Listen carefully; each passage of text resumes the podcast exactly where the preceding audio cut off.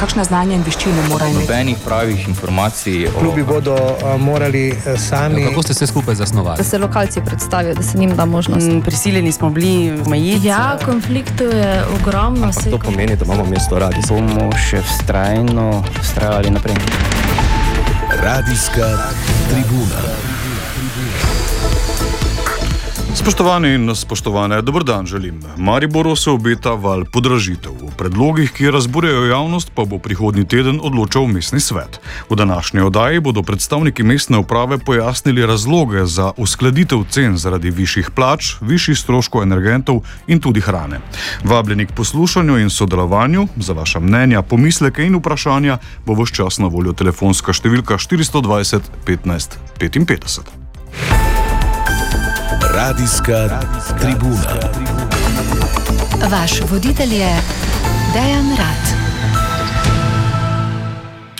Javni vrtci v Mariboru se bodo v skladu s predlogom županstva in seveda, če bodo svetniki in svetnice dahnili da, podražili za 38 odstotkov, čiščenje odpadnih voda za skoraj 30, cena avtobusne vozovnice v predprodaji za eno vožnjo prav tako za 30. Za petino bo dražja mesečna vozovnica.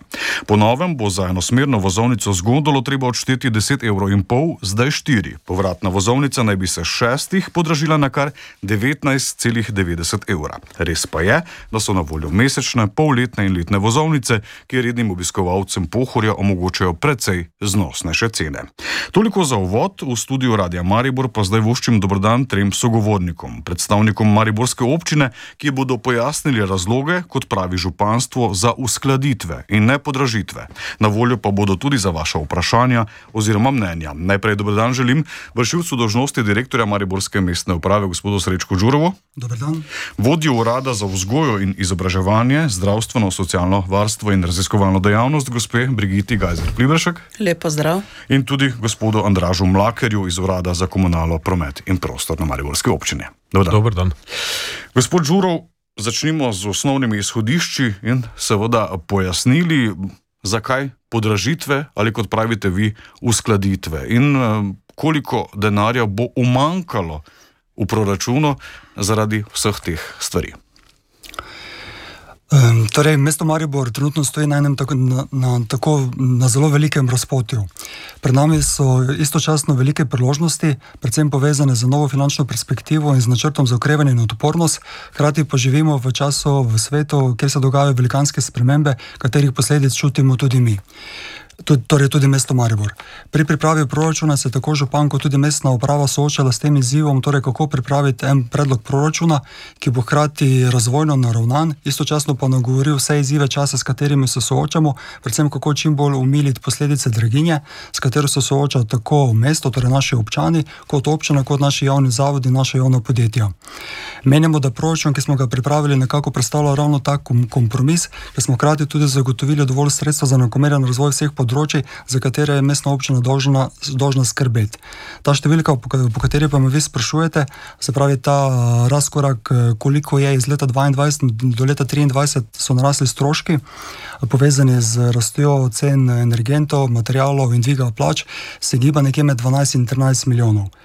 In to je razlog v bistvu za vse ali pa za večino teh predlaganih eh, podražitev, uskladitev cen, kot sami pravite. Tako je. Če se spomnite, je v preteklem letu vlada Republike Slovenije z, občani, z občinami dosegla dogovor o višji povprečnini. Iz tega naslova je mestna občina Maribor za leto 2023 pričakuje nekje 4,6 milijonov več, se pravi, prihodkov naslova, iz naslova dviga povprečnine, se pravi, naši stroški, se pravi, vezani na rast cen energentov in vseh ostalih stroškov, se pa gibajo nekje 12-13 milijonov. In ta velik razkorak je tisto, kar mora mestna občina pokriti, in znotraj tega iščemo neke ustrezne rešitve, nek ustrezen kompromis, kako nekako ustrezno to breme porazdeliti.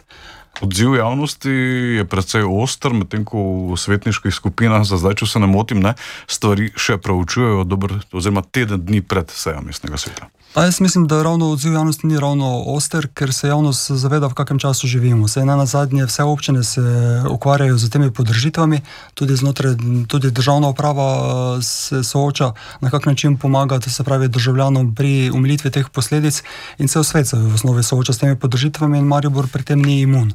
Tisto, kar pa mi poskušamo, je znotraj se pravi sredstev, ki jih imamo na razpolago, kako to breme čim bolj ustrezno porazdeliti, da hkrati nobenega ne pustimo na cedilu, da pa istočasno uspešno nagovorimo razvojni preboj, ki ga zasledujemo. Skratka, pred nami so je kar nekaj priložnosti in iščemo tu neko, nek kompromis, neko ravnovesje. Zdaj, znotraj proračunske razprave, ki je bila nedolgo nazaj, eh, smo slišali tudi nekaj predlogov, nekaj pripomb, marsikateremu predlogu pripombi smo ugodili in za določena področja smo povišali sredstva. Tako več sredstev za programe za kulturo, za šolstvo, za socialo, za šport. Je pa potrebno vedeti, da pa je količina denarja, ki ga imamo na voljo, samo ena in vkolikor eh, povečamo sredstva za kulturo, šport eh, in socialo, istočasno pa ne bodo uspele določene podržitve, pomeni, da bo za njih morala poskrbeti občina, kar nas spet vrača na izhodišni položaj, da moramo nekje drugje vzeti.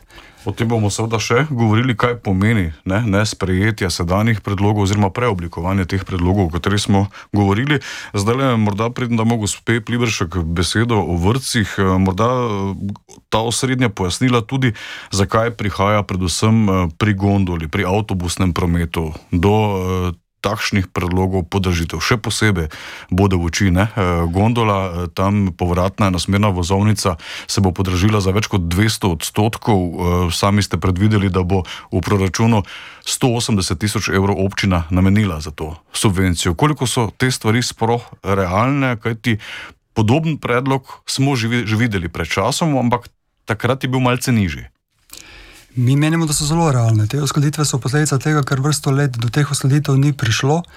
In v vseh teh obdobjih, ko teh, do, do, do, do teh uskladitev ni prišlo, je v bistvu mestna občina subvencionirala tako javni potniški promet, kot tudi krožno kabinsko žičnico.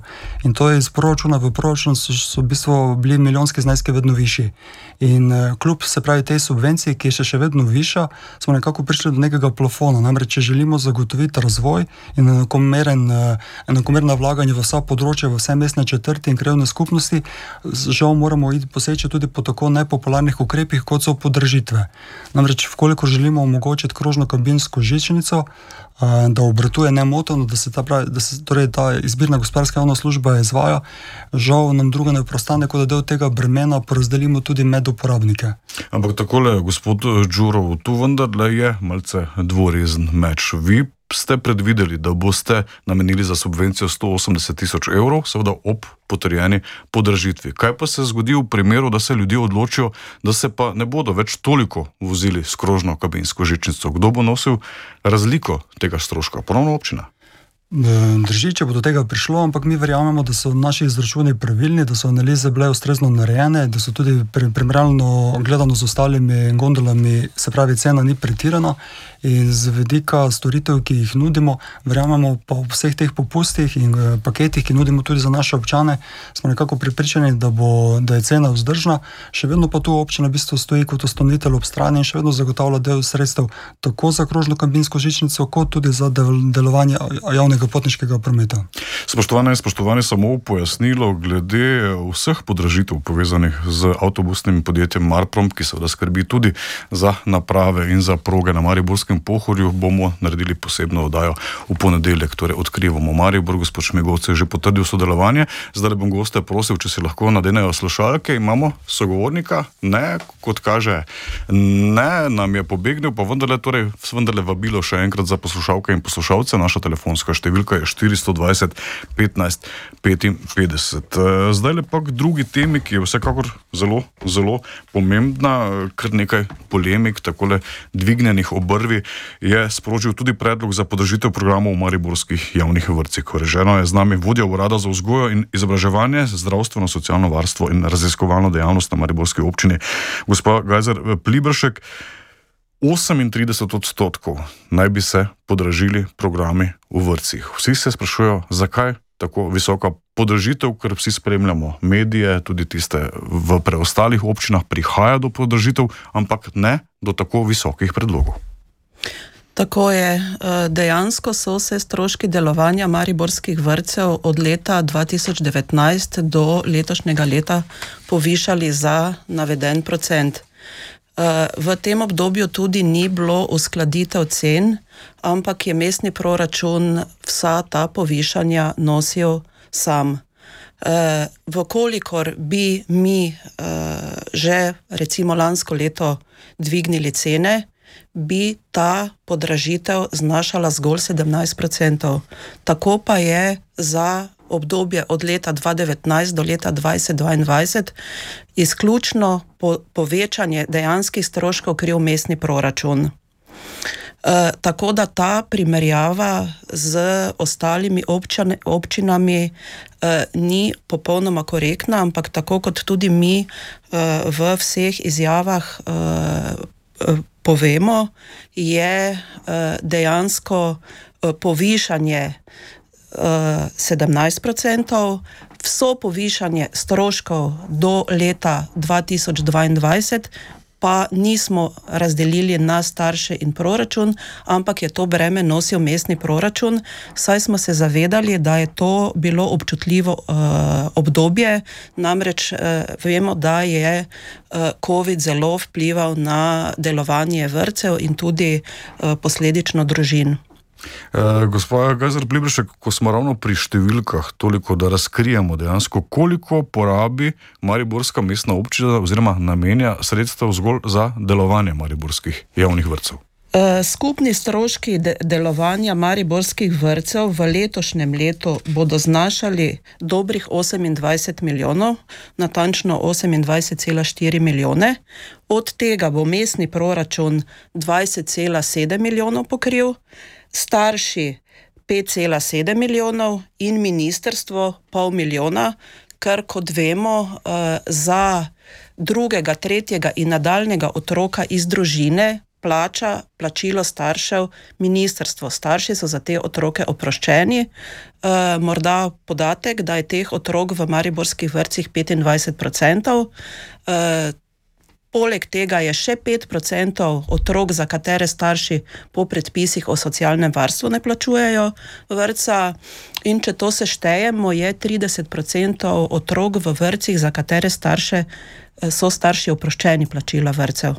Kakšen je razkorak? Zdaj ste povedali številko za leto 2023 v skladu s predlogom proračuna. Kakšen je razkorak med letom 2023 in minulim letom, torej letom 2022? 4,1 milijona so se povišali stroški od leta 2022 do 2023. Bistveno pri tem povišanju je rast materialnih stroškov, zaradi že večkrat povedane uh, rasti energentov, uh, in ta rast cen energentov vpliva seveda tudi na ostale stroške. Uh, ti stroški so se v ceni povišali za 77%, potem uh, stroški živil za otroke se, povišali, se povišujejo za 44%. Um, plače? Uh, plače pa za 33% v uh, povprečju, kar je tudi, seveda, posledično razumljivo, saj uh, tudi plače morajo slediti rasti vsem ostalim stroškom. Ampak država, tako le pravite, praktično vsi ne, na občinah, pa na eni strani diktira uh, rast.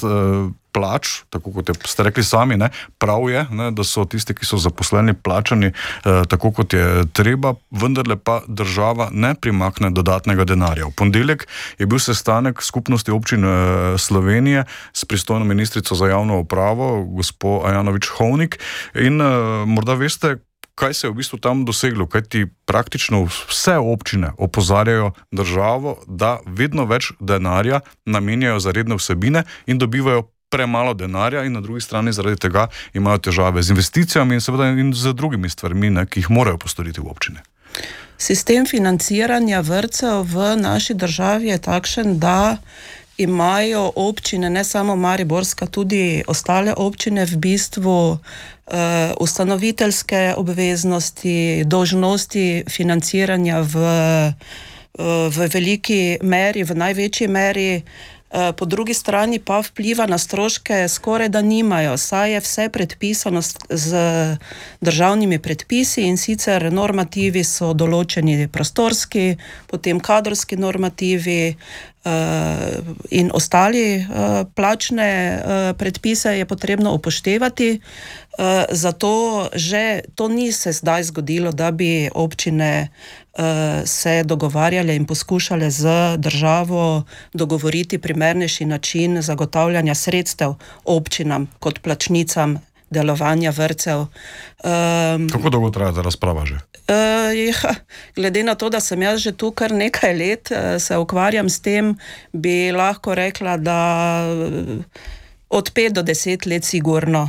Uh, občine uh, v okviru združenj svojih uh, pripravljamo izračune, utemeljujemo potrebo po neki novelaciji sistema financiranja, tudi delovanja vrtcev.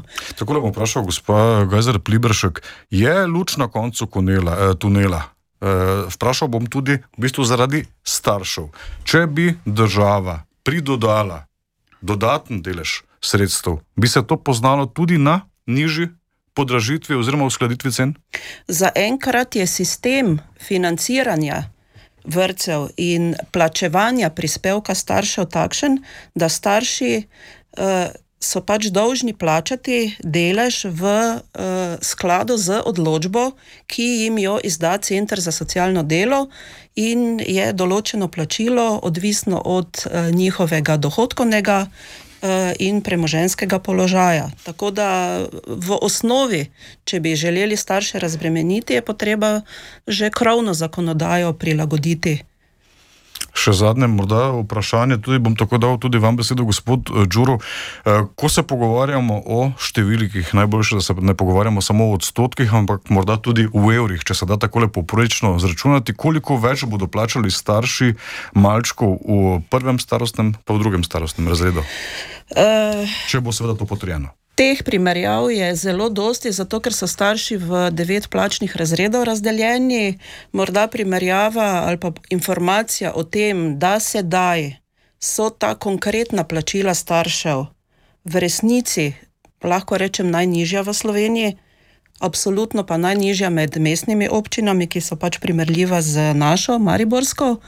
In tudi po tej uskladitvi cen bodo med najnižjimi, oziroma med mestnimi celo najnižja. Zato, ker še to informacijo mestni proračun dodatno subvencionira plačila staršev. To se pravi, to, kot sem prej omenila, da je plačilo staršev določeno z odločbo pristojnega centra za socialno delo, to plačilo še občinski proračun dodatno subvencionira in sicer tistim najraz, ra, najranljivejšim skupinam, in ki imajo otroke v uh, programih, ki, največ, ki imajo najvišjo ceno, kar s 23%, kar mislimo, da je kar izdaten. Ma vendar, če bomo malce vrtal, gospod Pliberšek, lahko. Kakšno neto ceno dobimo? Lahko dobimo evre. Od toliko do toliko evrov mesečno se bodo podražili programi, če bo podražitev sprejeta. E, tako je.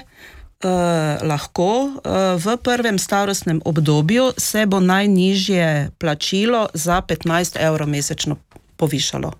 Kaj pa v drugem? V drugem pa bo to plačilo za uh, dobrih 10 evrov više. In potem seveda po razredih tako naprej. Glede na lestvico se povišuje v odvisnosti. Koliko pa so najviše številke?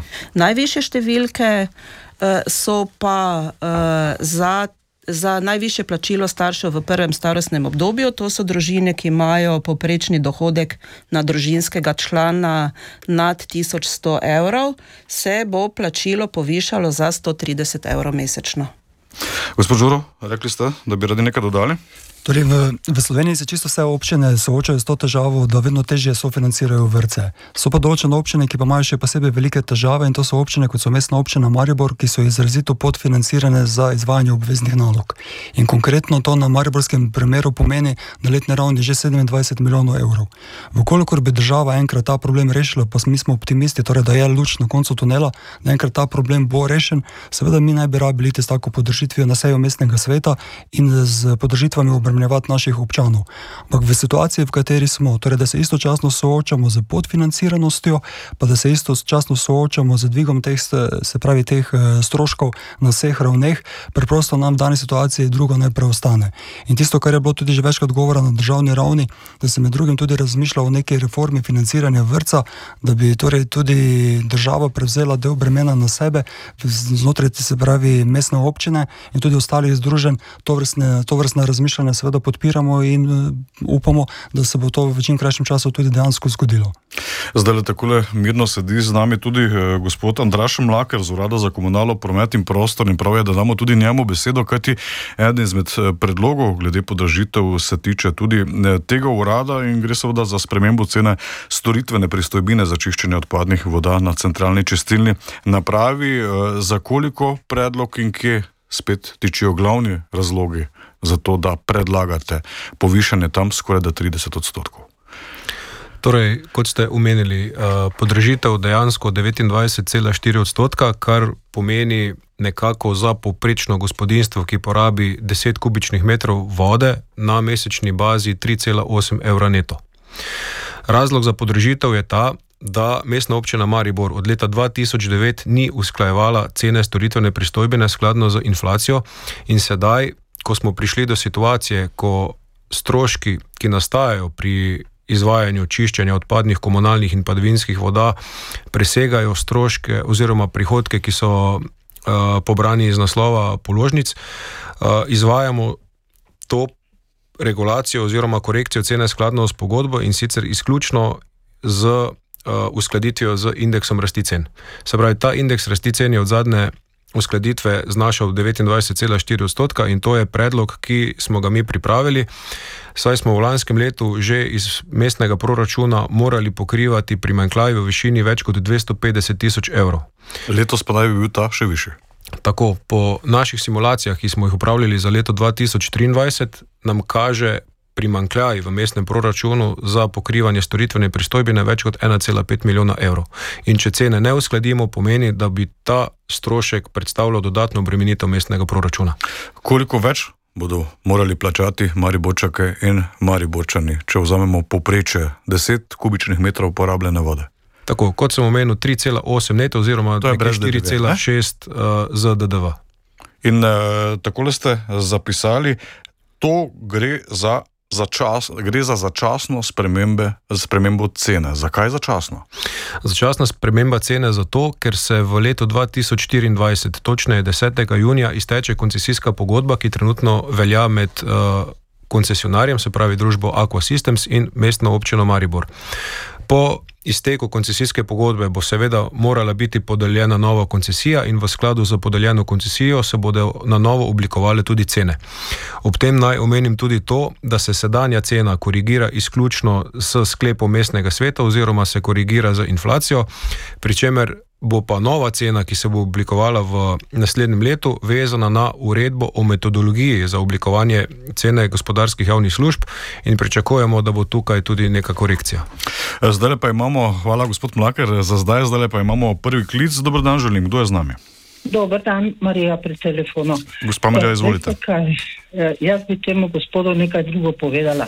Na položnici imamo mi Eh, dvojno kanalščino za plačati, za toplo in mrzlo vodo. Kanali tečejo samo eni, čistijo malo, malo ktere. E, tako da e, tu nas pri eni strani za eno kanalščino imajo plusa. Plusa, to se pravi, to je nekje, pri meni je to nekje e, 4 evre, imam jaz sama, koliko pa nas je v Mariboru. E, drugo je pa to, Eh, da tudi ne urejajo, eh, ne delajo, kot je treba s, to, eh, s temi kanali. Tu vidim, da se doskrat migrad vozi sem in tja, on se vozi z avtom, gleda iz avta ven. Ne vem, kaj on vidi iz avta ven. Pri nas sicer je en odtok, ki je zamašen do vrha, do vrha. Nihče ne ve, da je sploh mislim, da niti ne vejo, da je tu kakšen otok. Da, eh, me zelo zanima, zakaj se vse nekaj okrog nečesa mutijo, pa delajo, ko pa imajo tak že tak en plus te kanalščine. Hvala lepa, gospod Marija, za tole. Zdaj, morda na tisti prvi del ne, vprašanja bomo odgovorili pri kanalščini, da malce pojasnimo, kajti tudi sam sem bil naprimer, v dvomih tule na mojem računu, tako da bodo poslušalci in poslušalke vedeli. Ne, e, piše komunalne storitve kanalščina, hladna voda je neka številka, pravite vi, da ta znesek, ki je tukaj zapisan, seveda na kubične metre, ki jih porabiš, ne, se ne bo podražil v celoti. Pa prvo, če lahko prosim odgovorite na uh, pomislek poslušalke. Ja, mogoče kratek uh, komentar na to. Um, v tem primeru, v katerem se pogovarjamo glede korekcije cen, uh, tega ne vežemo na kanalščino oziroma na obratovanje kanalizacijskega sistema na območju mestne občine Maribor, ampak izključno na storitev, ki se izvaja na centralni čistilni napravi Maribor. Se pravi, podražitev oziroma ta korekcija je vezana izključno na upravljanje čiščenja komunalnih, padavinskih in odpadnih voda in ni vezana na urejanje, upravljanje oziroma vzdrževanje samega kanalizacijskega sistema. Tako torej imamo še kakšen klic v tem trenutku, mi kažejo kolegi, da ne, potem počasi bomo šli tudi k zaključni besedi. Eh, gospod Đuro, prej ste takole omenili, da pripravljate že amandmaje za eh, drugo branje, nekaj sprememb je že eh, na mizi, na papirjih. Zanima pa nas predvsem to, vse omenjene podražitve oziroma uskladitve, o katerih danes tukaj govorimo, so že vključene v prvo obravnavo proračuna, ki je bila potrjena. Kaj se zgodi z Mariborskim proračunom pred drugim branjem, ki naj bi ga obravnavali 6. aprila, če vsi predlogi ne bodo potrjeni, če bodo, ne vem, naprimer prišli na papir spremenjeni predlogi? Torej, mi smo na predlog župana sedaj pripravili predlog proračuna za drugo branje. Znotraj tega predloga smo dvignili torej, na postavke na določenih področjih, torej predvsem za kulturo, šport, socialo in se pravi vlaganje v, v naše šole. V tem drugem branju so tudi, se pravi, se pravi celotna finančna konstrukcija narejena ob predpostavkah, da bodo te podržitve potrjene. V primeru, da te podržitve ne bodo potrjene, bomo morali do drugega branja, ki bo 6. aprila, proračun temu primerno prilagoditi. Kot je prej kolega omenil, vkolikor ne bo potrjen dvig cen za centralno čistilno napravo, v, se pravi, višini, kot je predlagano, bo morala mestna občina zagotoviti dodatnih 1,5 milijona evrov. V primeru, če ne bo potrjen dvig cen za vrtcev, bomo morali zagotoviti dodatne 4 milijone. In če vse to seštejemo, pomeni, da bomo znotraj odhodkovne strani morali najti pravi, neke druge rešitve, da zadostimo pravi, tem potrebam, ki se odražajo bodi si na vrtcih, bodi si na centralni čistilni napravi. To pa verjamem, da noben ne bo zadovoljen, ker bomo predvsem posegali v neobvezne naloge, ki jih občina izvaja. Zato še vedno verjamemo, da bodo te podržitve, za katere menimo, da so utemeljene na mestnem svetu, tudi dobile ustrezno večino. Zdaj le še na kratko bomo en klic sprejeli, kdo je z nami. Dobro dan želim. Ja, Poslušalka, ki sem klicala, nisem zadovoljna s tem odgovorom, ker ta denar gre za to čistilno napravo. Naj ne govorijo nori. To imajo plus, to nas občane kradejo, do, do besedno kradejo. Hvala lepa, hvala lepa gospod Šenka, za vaše mnenje, vaš odziv. Gospod Makar. Še enkrat. Um, poudarjam, da res ne gre v tem primeru za kakršne koli stroške povezane z obratovanjem kanalizacijskega sistema. Gre izključno za stroške, ki nastajajo pri čiščenju teh vod, ki pritečejo na centralno čistilno napravo. Se pravi, za področje, ki je vezano zgolj na proces uh, nastajanja končnega produkta, se pravi odpadnega blata, in ne upošteva Eh, stroškov, ki so vezani na sistem oziroma na proces do istoka teh vod v centralno čistilno napravo. Spoštovani, spoštovani, samo toliko sporočilo, še minuta nas loči do novic ob desetih, ki bomo jih malce predstavili oziroma v celoti odpovedali, kajti zdaj so začeli zvoniti telefoni in seveda telefone oziroma poslušalke in poslušalce bomo eh, sprejeli za njihova vprašanja in pa mnenja. Z nami je kdo? Dober dan želim. Dober dan, Marija, zelenik Andrej iz Malečnika kličem. Jaz bi to te vaše goste, eh, bi jih malo pozdravila, ampak ne zelo, ker si tega ne, niti ne zaslužijo. Gospa, prosim, povedite vaše mnenje, vprašanje. Ja, eh, mnenje. Mene samo zanima en odgovor za odpadne vode. Mi imamo greznico. Pride od Nigrada, odpela in jo pela na čistilno napravo. Ne? Tem oni zaslužijo tudi z našim blatom, uh, ker to prodajajo, to sem se tudi že informirala. Plus tega, naj mi razložijo to, samo eno zadevo, kako je ta odpadna voda trikrat ali pa še več dražja kot čista voda, ki jo lahko pijemo, kuhamo, umivamo in marsikaj delamo. Hvala lepa, gospod Marija, za vaše vprašanje. Hvala lepa. Zdaj le odgovor.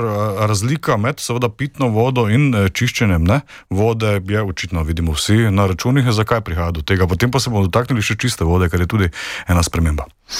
Ja, mogoče najprej prvi komentar glede um, odpadnega blata. Kot je gospa omenila, tu naj povem, da odpadno blato za, za nas nikakor ne predstavlja nobenega prihodka, ampak zgolj strošek. Mi imamo z stroškom oziroma z procesom uh, odstranjevanja odpadnega blata precej stroškov, saj znaša cena uh, odvoza ene tone odpadnega blata, mislim, da uh, 147 evrov na tono, pri čemer centralna čistilna naprava proizvede 13 tisoč ton odpadnega blata letno. Uh, upamo in želimo si, da bo v prihodnje to odpadno blato dobilo neko drugo dimenzijo, da bo državna strategija na področju ravnanja z odpadnim blatom jasna in da nam bo dala jasna izhodišča, kako s tem ravnati. Uh, govori se namreč o tem, da bo to blato možno uporabljati ali kot gradbeni kompozit ali kot surovino za sežiganje, ampak zaenkrat te zadeve pri nas še niso. O tem že govorimo, gospod Mlaker, kar dalj časa in se ukvarjamo z blatom. Ne še takrat, ko je bila zelo nizka cena. Ne? Tako, drži, ampak cene so se povišali ravno zaradi sprememb na trgu, zaradi zapiranja do določenih mej, ki tega blata niso več sprejemale, in sedaj smo vezani na tiste trge, ki to še omogočajo in se to odvaža v tujino. Če se pa navežem na drugo vprašanje je vezano na strošek pitne vode in pa na strošek uh, komunalne odpadne vode. Je pa seveda razlog v tem, da so stroški uh, dobav pitne vode do končnih uporabnikov bistveno nižji kot pa stroški odvajanja in pa čiščenja teh vod. Gospod Mlakar, ko smo ravno še pri pitni vodi vprašanje, uh, ta je bila. Do konca lanskega leta subvencionirana, zdaj le z novim letom ni več. Torej, plačujemo zdaj le ceno, ki je bila potrjena julija na mestnem svetu in to v polnem obsegu. Drži. V lanskem letu je mestni svet sprejel sklep o začasnem subvencioniranju eh, pitne vode, eh, ki je veljal do konca leta 2022. Tukaj je mestna občina Maribor subvencionirala uh, vodarino v višini 140 tisoč evrov, za leto 2023 pa ta subvencija ni več predvidena, zato je tudi prišlo do te razlike. Še imamo kakšen klic, ne v tem trenutku, ne, ura je 10 in 3 minute, danes bomo sklenili tole malce podaljšano radijsko tribuno, seveda prosim za razumevanje zaradi zamika. Novic ob desetih. Spoštovani gostje, hvala lepa za pojasnila, kot rečeno bomo v našem programu o podražitvah oziroma o skladitkah še govorili in sicer vodaje odkrivamo Maribor v ponedeljek, ker bomo gostili direktorja Marproma Ranka Šmegovca. Končno odločitev o tem, ali bodo občinski predlogi sprejeti, je na strani mestnih svetnikov svetnikov, ki bodo o tem razpravljali in odločali 16. marca. Gospod Đurov, gospod Gajzer Plibršek in gospod Mlaker, hvala lepa za sodelovanje, lep dan, želim še naprej. Hvala vam in lep dan tudi vam. Cenjene in cenjeni, vam pa hvala za pozornost in sodelovanje. Lepo zdrav in nasvidenje. Radijska tribuna. Radio Maribor.